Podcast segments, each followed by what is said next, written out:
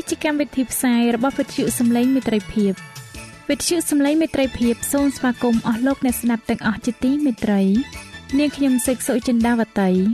ហើយខ្ញុំបាទអង្គច័ន្ទវិជ្ជៈក៏សូមស្វាគមន៍លោកអ្នកស្ដាប់ទាំងអស់ផងដែរនៅពេលនេះយើងខ្ញុំមានសេចក្តីសុំមនស្សរីករាយដែលបានវិលមកជួបអស់លោកអ្នកនាងកញ្ញាអ្នកស្ដាប់សាជាថ្មីម្ដងទៀត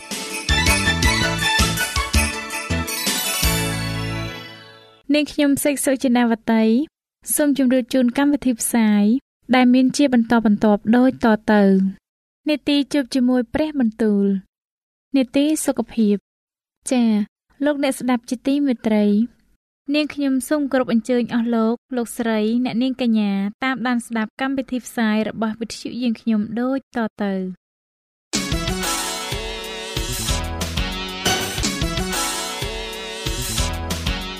នេតិ ជួបជាមួយព្រះបន្ទូល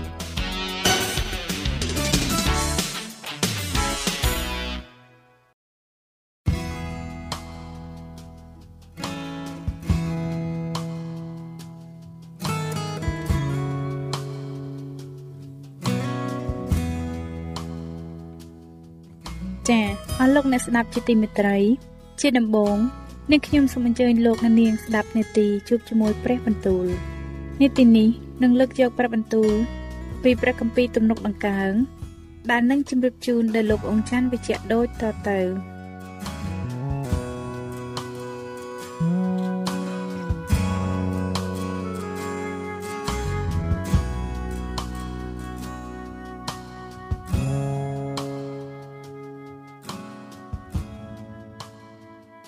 ព្រះគម្ពីរទំនុកដំកើងចំពុកទី39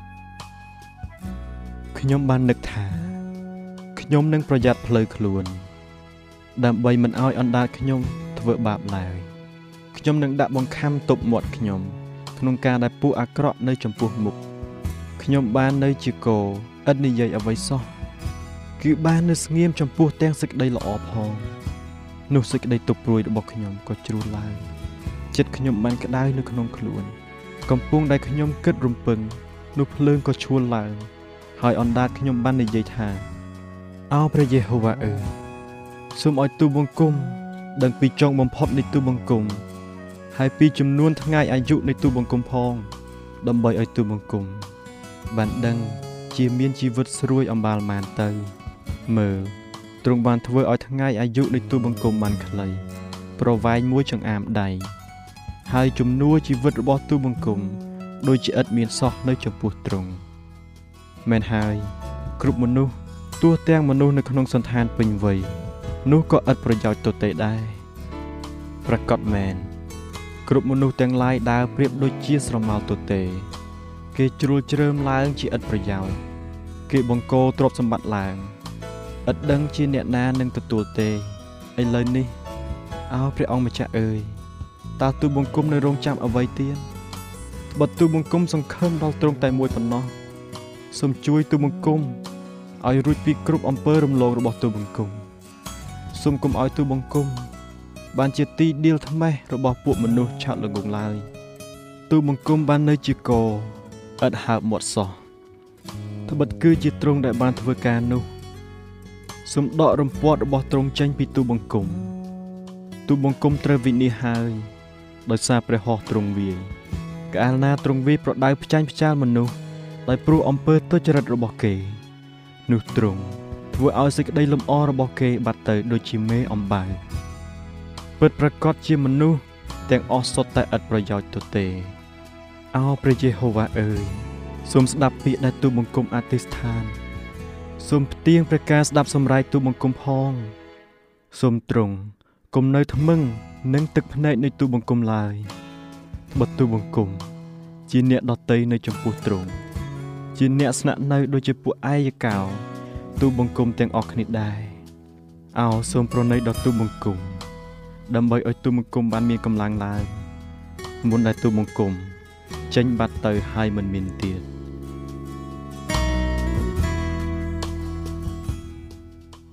ព្រះគម្ពីរទំនុកដំកើងចំពុកទី40ខ្ញុំបានរងចាំព្រះយេហូវ៉ាដោយអំណត់ ទ្រង់ក៏បានផ្ទៀងព្រះការមកស្ដាប់ហើយទទួលតាមសម្រែករបស់ខ្ញុំទ្រង់បានស្រង់ខ្ញុំចេញពីអន្លង់គោស្បើមឲ្យរួចពីភក់ស្អិតក៏ដាក់ជើងខ្ញុំលើថ្មដាព្រមទាំងតាំងជំហានខ្ញុំឲ្យខ្ជាប់ខ្ជួនទ្រង់បានបណ្ដាលឲ្យមានទំនុកថ្មីនៅក្នុងមាត់ខ្ញុំ គឺជាសេចក្តីសរសើរដល់ព្រះនៃយើងខ្ញុំ មនុស្សជាច្រើននឹងឃើញព្រមទាំងមានសេចក្តីកោតខ្លាច ហើយនឹងទុកចិត្តដល់ព្រះយេហូវ៉ាផង មានពោហើយ អ្នកណាដែលយកព្រះយេហូវ៉ាជាទីពឹងឥតយល់ដល់មនុស្សឆ្មាំងឆ្មៃឬពួកអ្នកដែលបែរទៅឯសេចក្តីភូតផលឡើយអោព្រះយេហូវ៉ាដ៏ជាព្រះនៃទូបង្គំអើយការអស្ចារ្យដែលទ្រង់បានធ្វើនោះមានច្រើនណាស់ព្រមទាំងគំនិត ដែលទ្រង់នឹកដល់យើងខ្ញុំផងគ្មានអ្នកណា អាចនឹងរៀបរាប់ដោយលំដាប់ ពីការទាំងនោះនៅចំពោះទ្រង់បានឡើយបើទូបង្គំនឹងចង់និទានប្រាប់ នោះមានច្រើនហួសកំណត់នឹងរាប់បានឯយ៉ាញ់បូជា ហើយនឹងដងវាយនោះទ្រង់មិនសពព្រះハរតីទេទ្រង់បានបើកត្រចៀកឲ្យទូបង្គំស្ដាប់តាមទ្រង់មិនចង់បានដងវាយដុតឬយ៉ាញ់បូជាលួបាបនោះទេ បានជាទូបង្គំទូថាមើលទូបង្គំមកហើយ សេចក្តីនេះបានកត់ទុកពីទូបង្គំនៅក្នុងគម្ពីរហើយ គឺថាអោព្រះនៃទូបង្គំអើយទូបង្គំមានសេចក្តីអំណរនឹងធ្វើតាមព្រះハរតីទ្រង់អើក្រឹតវិន័យរបស់ទ្រង់ក៏នៅក្នុងចិត្តទូបង្គំទូបង្គំបានប្រកាសដំណឹងល្អពីសេចក្តីសុចរិតនៅក្នុងជំនុំធំមើលអោព្រះយេហូវ៉ាអើយទ្រង់ជៀបហើយថា ទូបង្គំនឹងមិនទប់មាត់ឡើយទូបង្គំមិនបានលាក់សេចក្តីសុចរិតរបស់ទ្រង់នៅក្នុងចិត្តទេ គឺបានថ្លែងប្រាប់ពីសេចក្តីស្មោះត្រង់និងសេចក្តីសង្គ្រោះរបស់ទ្រង់វិញក៏មិនបានបំបិតសេចក្តីសប្បុរសនិងសេចក្តីពិតរបស់ទ្រង់នៅក្នុងជំនុំធំដែរអោព្រះយេហូវ៉ាអើយសូមគុំបង្ខាំងសេចក្តីមេត្តាករុណារបស់ទ្រង់ចំពោះទូបង្គំឡើយ សូមឲ្យសេចក្តីសប្បុរសនិងសេចក្តីពិតត្រង់របស់ទ្រង់បានថែរក្សាទូបង្គំជានិច្ចត្បិតមានសេចក្តីអាក្រក់ឥតគណនាព័ទ្ធទូបង្គំជុំវិញអំពើទុច្ចរិតរបស់ទូបង្គំបានតាមទូបង្គំតន់ហើយ បានជាទូបង្គំមិនអាចនឹងងើបឡើងមើលបានឡើយអំពើទាំងនោះច្រើនជាងសរសៃសក់លើក្បាលទូបង្គំចិត្តទូបង្គំក៏អស់សង្ឃឹមទៅអោព្រះយេហូវ៉ាអើយសូមទ្រង់សពព្រះハរតីនឹងជួយទូបង្គំឲ្យរួច អោព្រះយេហូវ៉ាអើយសូមប្រញាប់នឹងជួយទូបង្គំផងឯអស់អ្នកដែលរកបំផ្លាញព្រលឹងទូបង្គំនោះសូមឲ្យគេត្រូវមានសេចក្តីខ្មាស់ហើយលាក់មុខទាំងអស់គ្នាហើយពួកអ្នកដែលពងប្រទុះនឹងទូបង្គំនោះសូមឲ្យគេត្រូវថយចេញព្រមទាំងមានសេចក្តីអាប់យួរផងឯអស់អ្នកដែលនិយាយមកទូបង្គំថា No No នោះសូមឲ្យគេត្រូវស្រឡាំងកាំងដោយសេចក្តីខ្មាស់របស់គេទៅ ចំណែកពួកអស់អ្នកដែលស្វែងរកទ្រង់នោះសូមឲ្យគេបានរីករាយសប្បាយក្នុងទ្រង់ចោះសូមឲ្យអស់អ្នកដែលស្រឡាញ់សេចក្តីសង្គ្រោះនៃទ្រង់បានពោលជានិច្ចថា សូមឲ្យព្រះយេហូវ៉ាបានថ្កើងឡើងឯទូបង្គំទូបង្គំក្រីក្រហើយទុរគតប៉ុន្តែព្រះអង្គម្ចាស់ទ្រង់នឹកដល់ទូបង្គំដែរទ្រង់ជាជំនួយ ហើយជាអ្នកប្រោះឲ្យទូបង្គំរួចផងអោ ព្រះនៃទូបង្គំអើយសូមកំបងអង្ឡើយ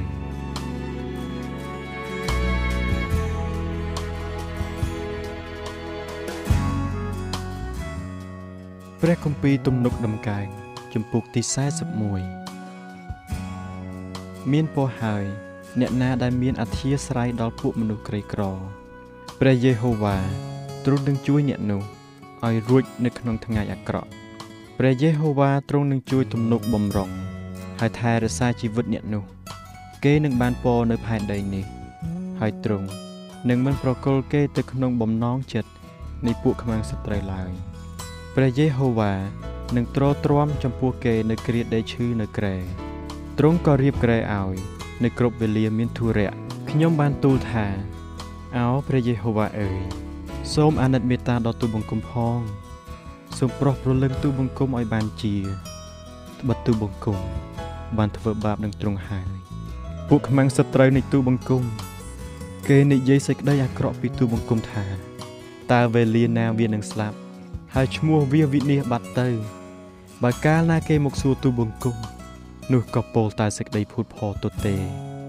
ចិត្តគេប្រមូលសេចក្តីទុច្ចរិតទុកលុះចេញទៅក្រៅហើយគេក៏ផ្សាយប្រាប់សេចក្តីនោះ ពួកអ្នកដែលស្អប់ទូបង្គំគេខ្សឹបសៀវគ្នាទាស់នឹងទូបង្គំគេបង្កើតប្រទុះសារាយនឹងទូបង្គំគេថាមានរោគអាក្រក់ជាប់នៅក្នុងខ្លួនវាឥឡូវនេះដែលវាដេកចុះហើយមុខជានឹងក្រោកឡើងវិញមិនបានឡើយអើទាំងមិត្តសម្លាញ់ស្និទ្ធស្នាលរបស់ទូបង្គំជាអ្នកដែលទូបង្គំបានទុកចិត្តហើយក៏បានបរិភោគបាយរបស់ទូបង្គំផងនោះបានលើកកែងជើងចង់ជន់ឈ្លីទូបង្គំដែរ តែអោព្រះយេហូវ៉ាអើយសូមទ្រង់អាណិតមេត្តាលើកចិត្តទូបង្គំឡើងវិញ ដើម្បីឲ្យទូបង្គំបានសងតបដល់គេយ៉ាងនោះទូបង្គំនឹងដឹងថាទ្រង់សពព្រះハរតីនឹងទូបង្គំពិត ដោយពួកសត្រូវមិនមានជ័យជំនះឈ្នះទូបង្គំឡើយឯទូបង្គំទ្រង់ទប់ទល់ដោយសេចក្តីសុចរិតរបស់ទូបង្គំហើយក៏តាំងទូបង្គំ ឲ្យនៅចំពោះទ្រង់ជាដរាបតទៅសូមលើកសរសើរដល់ព្រះយេហូវ៉ាជាព្រះនៃសាសអ៊ីស្រាអែលចាប់តាំងពីអតីតដល់អនាគតអស់កលជានិច្ចអាមែនហើយអាមែន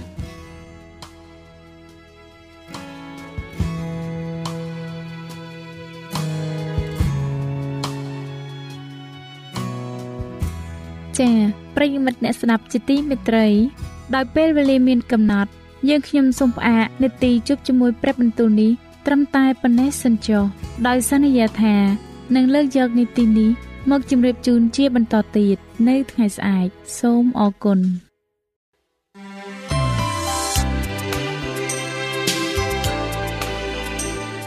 វិទ្យុសំឡេងមេត្រីភាព AWR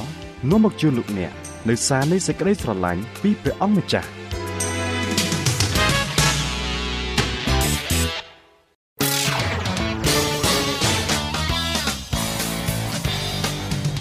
សូមជូននីតិសុខភាព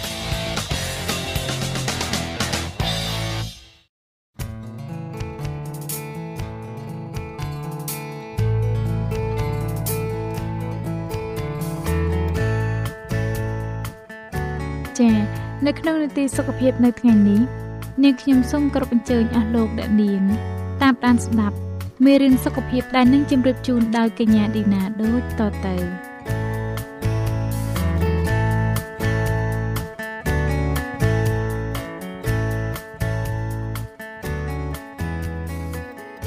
ចា៎នាងខ្ញុំសូមជម្រាបសួរអស់លោកអ្នកស្ដាប់ជាទីមេត្រីនៅថ្ងៃនេះនាងខ្ញុំមានអំណរដែលបានវិលមកជួបលោកអ្នកវិញម្ដងទៀតនៅថ្ងៃនេះនាងខ្ញុំសូមលើកយកភាគទី2ជាភាគបញ្ចប់នៃមេរៀនមុនដែលមានចំណងជើងថា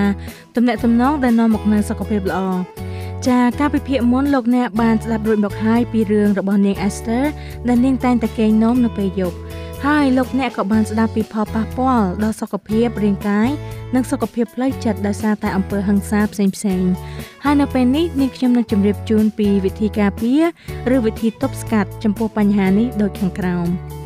ចាជាសំណាងល្អទោះបីជាមានលទ្ធផលសុខភាពអវិជ្ជមានជាច្រើននៅក្នុងចំណោមអ្នករស់រៀនមានជីវិតពីអំពើហិង្សាក្នុងគ្រួសារក៏ដោយក៏យើងនៅតែមានសង្ឃឹមដែរ មិនមែនមនុស្សគ្រប់គ្នាដែលធ្លាប់ឆ្លងកាត់តំណែងតំណងនៃការរំលោភបំពាននេះនៅបង្កើតឲ្យមានបញ្ហាសុខភាពបែបនេះរហូតទេជាញឹកញាប់គេតែងតែពិពណ៌នាថាជាការអត់ធន់មនុស្សជាច្រើនបានងើបឡើងវិញដោយប្រើវិធីសាស្ត្ររងាប់កំហឹងដ៏មានប្រសិទ្ធភាពដំណឹងដ៏ល្អសម្រាប់អ្នករងផលប៉ះពាល់អំពីអំពើហិង្សាក្នុងគ្រួសារគឺថាកត្តាដោះស្រាយវិជ្ជមានដែលអាចជួយមនុស្សឲ្យជាសះស្បើយឡើងវិញបាន ពួកគេបានបណ្ដោះអារម្មណ៍ល្អល្អរៀនឲ្យចេះបត់បែនលះបង់ខ្លួនឯងដើម្បីសុខុមាលភាពរបស់អ្នកដទៃមានការគ្រប់គ្រងនៅក្នុងសង្គមនិងការទុកចិត្តទៅលើព្រះជាការពិតណាស់ការស្រាវជ្រាវបានបង្ហាញថាការចេះដឹងគុណនិងការអត់ទោសពិតជាពិសេសខ្លាំងណាស់អាចរួមចំណែកយ៉ាងសកម្មដល់ភាពអត់ធន់ខាងផ្លូវចិត្តនៅចំពោះភាពរន្ធត់និងការរំលោភបំពាននេះការលើកលែងទោសឬការដឹងគុណអាចជាថ្នាំដ៏ស័ក្តិសិទ្ធិសម្រាប់ព្យាបាល និងជាកត្តាការពារដែលនឹងអាចជួយដល់យើងក្នុងការដោះស្រាយជាមួយនឹងជំងឺដែលអាចបណ្ដាលមកពីទំនាក់ទំនងនៃការរំលោភបំពាននេះប្រសិនបើមាននរណាម្នាក់បានធ្វើឲ្យអ្នកឈឺចាប់យ៉ាងខ្លាំងហើយអ្នកមិនអាចអត់ទោសឲ្យដល់ពួកគេបានមានន័យថាអ្នកបានអនុញ្ញាតឲ្យពួកគេធ្វើឲ្យអ្នករងរបួសជាលើកទី2ហើយស្មារតីនៃការមិនលើកលែងទោសគឺជាការបំផ្លាញសុខភាពរបស់យើង និងបានចាប់យើងដាក់គុកនៃភាពជូរចត់ វាប្លន់ពីយើងនៅក្តីអំណរដែលព្រះចង់ឲ្យយើងមានដូចជាព្រះយេស៊ូវបានអត់ទោសដល់អ្នកដែលឆ្កាងត្រង់នៅពេលដែលពួកគេមិនសមនឹងទទួលនឹងការអត់ទោសនោះយើងក៏អាចអត់ទោសដល់អស់អ្នកដែលបានធ្វើឲ្យយើងរងរបួសនៅពេលដែលពួកគេមិនគួរទទួលការលើកលែងទោសនេះផងដែរការអត់ទោសដល់អ្នកដទៃមិនមែនមានន័យថាយើងគ្រប់គ្រងសកម្មភាពរបស់ពួកគេឬផ្ដល់ភាពត្រឹមត្រូវដល់អ្វីដែលពួកគេបានធ្វើមកលើយើងនោះទេ ផ្ទុយទៅវិញការលើកលែងទោសគឺជាការដោះលែងអ្នកណាម្នាក់ឲ្យចេញពីថ្កោលទោសរបស់យើង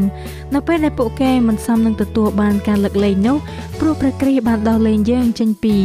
ការផ្ដន់ទាទោសរបស់ទ្រង់នៅពេលដែលយើងមិនសមនឹងទទួលបាននូវការអត់ឱនទោសនោះដោយសារវគ្គពលបានបញ្ជាក់យ៉ាងច្បាស់ថាចូលមានចិត្តសប្បុរសនឹងគ្នាទៅវិញទៅមកព្រមទាំងមានចិត្តទន់សន្តោសហើយអត់ទោសគ្នាដូចជាព្រះទ្រង់បានអត់ទោសដល់អ្នករាល់គ្នា ដោយព្រះគ្រីស្ទដែរអេពីសូតចំពុក4ខ32នៅក្នុងចំណោមសំណួរជាច្រើនសំណួរមួយដែលមានមនុស្សតែងសួរនៅពេលដែលពួកគេជួបប្រទះនឹងភាពតក់ស្លុតដែលកើតចេញពីទំនាក់ទំនងដែលមានការរំលោភបំពានដ៏គួរឲ្យឈឺចិត្តយ៉ាងក្រៃលែងនោះគឺតើព្រះជាម្ចាស់គង់នៅឯណា នៅពេលដែលមានរឿងទាំងអស់នេះកើតឡើង ការជឿចាប់និងភាពអយុត្តិធម៌ ជនហោហៀននៅលើពិភពលោកនេះគ្រប់ពេលវេលាជីវិតហាក់ដូចជាគ្មានយុត្តិធម៌សោះយើងរស់នៅក្នុងពិភពលោកដែលមានទាំងការល្អនិងការអាក្រក់អំណរនិងទុក្ខព្រួយសេចក្តីស្រឡាញ់និងស្អប់មានសុខភាពនិងមានជំងឺដំកាត់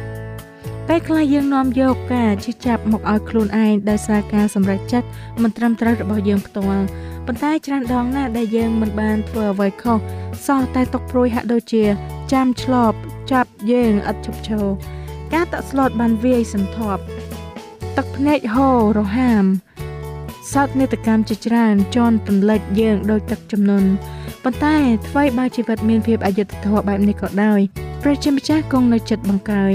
ហើយទ្រង់នឹងមិនចាក់ចែងឬបោះបង់ចោលយើងឡើយហេព្រើរចំពុក13ខ5ផ្ទុយទៅវិញប្រសិនបើយើងព្រមឲ្យទ្រង់ពង្រឹងនិងលើកទឹកចិត្តយើង ទ្រង់នៅតែព្យាបាលរបួសដួងចិត្តដែលខ្ទេចខ្ទាំ ដោះលែងឲ្យមានសេរីភាពពីទេសភាពដោះមនុស្សដែលគេជិះជាន់ឲ្យរួចលោកកាចំពុក4ខ18នេះគឺជាសេចក្តីប៉ັດដ៏អស្ចារ្យតាមព្រះគម្ពីរដែលជាការផ្លាស់ប្ដូរជីវិតព្រះគឺជាសេចក្តីស្រឡាញ់យូហានទី1ចំពុក4ខ18សកម្មភាពរបស់ទ្រង់ចំពោះយើងគឺតែងតែពោពេញដោយក្តីស្រឡាញ់ជានិច្ចទ្រង់មិនធ្វើអ្វីឲ្យយើងជឿចាប់ឡើយអ្វីដែលជឿចាប់ ការឆ្លងកាត់ភាពតក់ស្លុតនៅក្នុងវ័យកុមារដែលអ្នកអាចមានកន្លងមកព្រះមិនបានបណ្ដាលឲ្យមានការទាំងនេះឡើយហើយអ្នកក៏ប្រកាសជាមិនមែនជាអ្នកទទួលខុសត្រូវចំពោះរឿងនោះដែររឿងទាំងនោះគឺជាលទ្ធផលនៃការសម្រេចចិត្តដ៏ឈឺចាប់ប្រកបដោយគ្រោះថ្នាក់របស់អ្នកណាម្នាក់ប៉ុណ្ណោះតើអ្នកគិតថាអ្នកមានកំហុសចំពោះអ្វីដែលអ្នកមិនអាចគ្រប់គ្រងបានឬការធ្លាប់បន្តដល់ព្រះដោយសាររឿងទាំងនោះដែរឬទេ ប្រសិនបើមានការចុកចាប់នៅក្នុងចិត្តរបស់អ្នកដោយសារតែការជិះចាប់ពីកុមារការបំពេញខាងអារម្មណ៍ឬការរំលោភបំពានរាងកាយឬផ្លូវចិត្តនោះព្រះយេស៊ូវទ្រង់យល់ព្រោះទ្រង់ធ្លាប់ត្រូវបានគេវាយដំនិងក្បត់បំពានគេចំអកនិងបោះបង់ចោលដែរមនុស្សគេនិយាយកុហកហើយសើចចំអកដាក់ទ្រង់សត្រូវរបស់ទ្រង់បានដាក់បណ្ដាសាហើយឆ្កាងទ្រង់ ប៉ុន្តែទោះបីជានៅក្នុងភាពអយុត្តិធម៌ដ៏អាក្រក់បែបនេះក៏ដោយព្រះអង្គមិនដែលបានបោះបង់សេចក្តីជំនឿទៅលើសេចក្តីស្រឡាញ់និងការថែរក្សារបស់ព្រះវរបិតាទ្រង់ឡើយដោយអាចយល់ពីអ្វីដែលអ្នកបានឆ្លងកាត់ទ្រង់គង់នៅចិត្តដើម្បីព្យាបាលដួងចិត្តរបស់លោកអ្នកនិងប្រទានឲ្យលោកអ្នកនៅក្តីសង្ឃឹមថ្មីសម្រាប់ការរស់នៅតើលោកអ្នកធ្លាប់ឆ្ងល់អំពីគោលបំណងនៃទំនាក់ទំនងរបស់មនុស្សទាំងអស់ដែរឬទេ តើហេតុអ្វីបានជាព្រះប្រទានឲ្យយើងមានឪពុកម្ដាយបងប្អូន ប្រុសស្រីប្តីប្រពន្ធកូនប្រុសកូនស្រីនិងមិត្តភ័ក្តិទំនាក់ទំនងនីមួយៗរបស់មនុស្សគឺជាផ្នែកមួយនៃផែនការរបស់ព្រះដើម្បីបង្ហាញពីទស្សនវិជ្ជាផ្សេងគ្នានៃក្តីស្រឡាញ់របស់ទ្រង់នៅទូទាំងព្រះគម្ពីរយើងបានរកឃើញទ្រង់មានរូបភាព ដូចជាឪពុកដែលយកចិត្តទុកដាក់យ៉ាងខ្លាំងជាម្ដាយដែលពោពេញដោយការអាណិតអាសូរជាប្តីដែលប្រកបដោយសេចក្តីស្រឡាញ់ជាប្រពន្ធជាទីស្រឡាញ់ជាបងប្រុសដ៏ធំដែលអាចជួយការពារជាបងស្រីដែលចេះស្ដាប់សម្ដីប្អូន និងជាមិត្តសម្លាញ់ដ៏ស្មោះត្រង់ព្រះបានបង្ហាញក្តីស្រឡាញ់របស់ទ្រង់តាមរយៈកញ្ចក់នៃទំនាក់ទំនងរបស់មនុស្សនេះ ប៉ុន្តែប្រសិនបើទំនាក់ទំនងណាមួយនៅក្នុងចំណោមទំនាក់ទំនងទាំងនោះត្រូវបានបែកបាក់មិនមែនដោយសារតែកំហុសរបស់យើងនោះចុះប្រសិនបើអ្នកមិនបានឆ្លុះបញ្ចាំងពីគុណសម្បត្តិរបស់ព្រះ តែបែរជាមើលឃើញតែភាពបែកបាក់នៃអំពើបាបនិងការបំផ្លិចបំផ្លាញនិស័យរបស់ខ្លួនទៅវិញនោះតើនឹងមានអ្វីកើតឡើងនៅពេលដែលយើងរៀនទុកចិត្តលើទ្រង់ ព្រះនឹងបញ្ជាទំនាក់ទំនងមិនល្អចេញហើយបំពេញចិត្តយើងដោយសេចក្តីស្រឡាញ់ដែលយើងគួរតែបានទទួលពីឪពុកម្ដាយបងប្អូនប្រុសស្រីប្តីប្រពន្ធឬមិត្តភ័ក្តិសូមលោកអ្នកស្ដាប់ខព្រះគម្ពីរខាងក្រោមនេះហើយមានអំណរឡើងដោយទ្រង់អាចផ្គត់ផ្គង់តាមតម្រូវការដ៏ជ្រាលជ្រៅបំផុតនៃចិត្តរបស់អ្នកចាព្រះគម្ពីរទំនុកដំណការចំពុកទី103ខ13បានចែងថា ព្រះយេហូវ៉ាទ្រង់មានព្រះハរតីអាណិតដល់អស់អ្នកដែលកោតខ្លាចទ្រង់ដូចជាឪពុកមានចិត្តអាសូរដល់កូនរបស់ខ្លួនដែរព្រះគម្ពីរទំនុកដំណការចំពុកទី68ខ5បានចែងថាឯព្រះដែលគង់នៅក្នុងទីលំនៅបរិសុទ្ធទ្រង់ជាឪពុកដល់ពួកកំព្រានិងជាចៅក្រមដល់ពួកមេម៉ាយព្រះគម្ពីរអេសាយចំពុកទី49ខ15បានចែងថាចោះតាស្ត្រីនឹងភ្លេចកូនដែលកំពុងបើដោះអត់មានអាណិតដល់កូនដែលចេញពីផ្ទៃខ្លួនមកបានដែរឬអីគេនឹងភ្លេចបានប៉ុន្តែអញមិនដែលភ្លេចឯងឡើយរីឯព្រះគម្ពីរសុភាសិតចំពុកទី18ខ24បានចែងថាអ្នកណាដែលមានមិត្តភ័ក្តិច្រើននោះនាំឲ្យវិនិច្ឆ័យខ្លួនទេប៉ុន្តែមានមិត្តសម្លាញ់មួយយ៉ាងដែលនៅជាប់ជាងបងប្អូនទៅទៀតទាំងអស់នេះជាព្រះរាជសារសម្រាប់លើកទឹកចិត្ត នៅក្នុងព្រះគម្ពីរដែលពិពណ៌នាអំពីទំនាក់ទំនងជិតស្និទ្ធរវាងព្រះវរបិតាព្រះរាជបុត្រានិងព្រះវិញ្ញាណបរិសុទ្ធមកកាន់យើង នៅពេលដែលជីវិតរបស់យើងត្រូវបានបំផ្លាញនៅក្នុងផ្ទះ ឬបន្ទប់ដែលបិទទ្វារចិត្តយើងអាចរកឃើញក្តីសង្ឃឹមថ្មីនៅក្នុងព្រះដែលនឹងកសាងជីវិតរបស់យើងជាថ្មីឡើងវិញហើយនឹងផ្គត់ផ្គង់នៅអ្វីៗគ្រប់យ៉ាងដែលខ្វះចន្លោះនៅក្នុងចិត្តរបស់យើងសេចក្តីស្រឡាញ់ដែលហូរចេញពីព្រះハរតីនៃព្រះអង្គម្ចាស់ដែលមានសេចក្តីស្រឡាញ់គ្មានព្រំដែននោះគឺជាសេចក្តីស្រឡាញ់ដែលជួយព្យាបាលយើង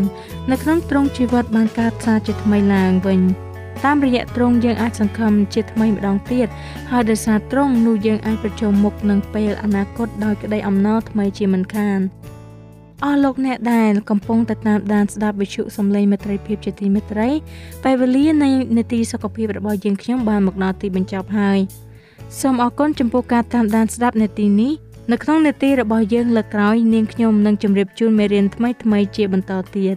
សូមប្រជាម្ចាស់ប្រទានប្រពរដល់អស់លោកអ្នកបងប្អូនទាំងអស់គ្នា នាងខ្ញុំឌីណាសូមអរគុណសូមជម្រាបលា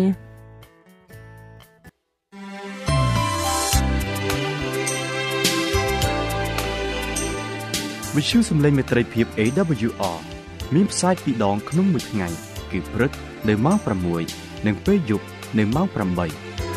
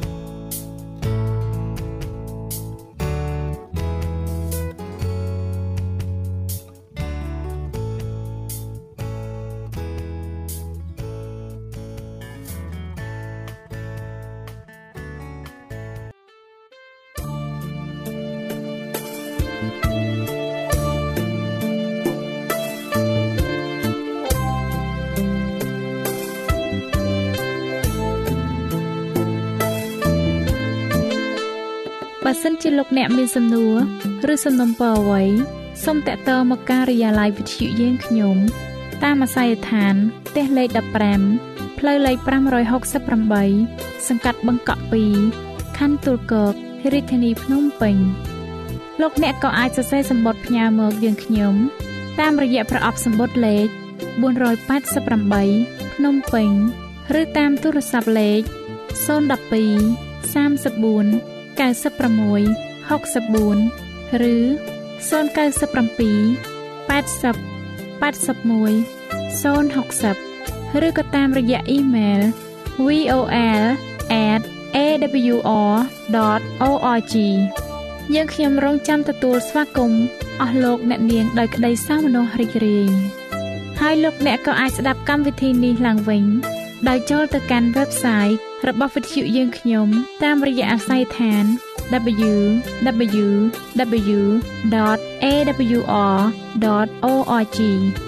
លោកអ្នកនាងកញ្ញាជាទីមេត្រី កម្មវិធីផ្សាយរបស់វិទ្យុសំឡេងមេត្រីភាពនៅពេលនេះសូមបញ្ចប់តែប៉ុណ្ណេះយើងខ្ញុំសូមអរគុណចំពោះការតាមដានស្ដាប់របស់អស់លោកអ្នកតាំងពីដើមរហូតដល់ចប់យើងខ្ញុំសូមជូនពរឲ្យអស់លោកអ្នកនាងកញ្ញាទាំងអស់បានចម្រើនឡើងក្នុងព្រះគុណព្រះអង្គម្ចាស់ ហើយក្នុងការទទួលយកព្រះយេស៊ូវគ្រីស្ទជាព្រះអង្គម្ចាស់និងជាព្រះអង្គសង្គ្រោះនៃយើងរាល់គ្នានាទីផ្សាយរបស់វិទ្យុយើងខ្ញុំនឹងវិលមកជួបអស់លោកអ្នកសាជាថ្មីម្ដងទៀតនៅថ្ងៃស្អែកវេលាម៉ោងដដែលនាងខ្ញុំសេកសុចិន្តាវតីនិងខ្ញុំបាទអ៊ំច័ន្ទវិជ្ជៈសូមអរគុណសូមជម្រាបលា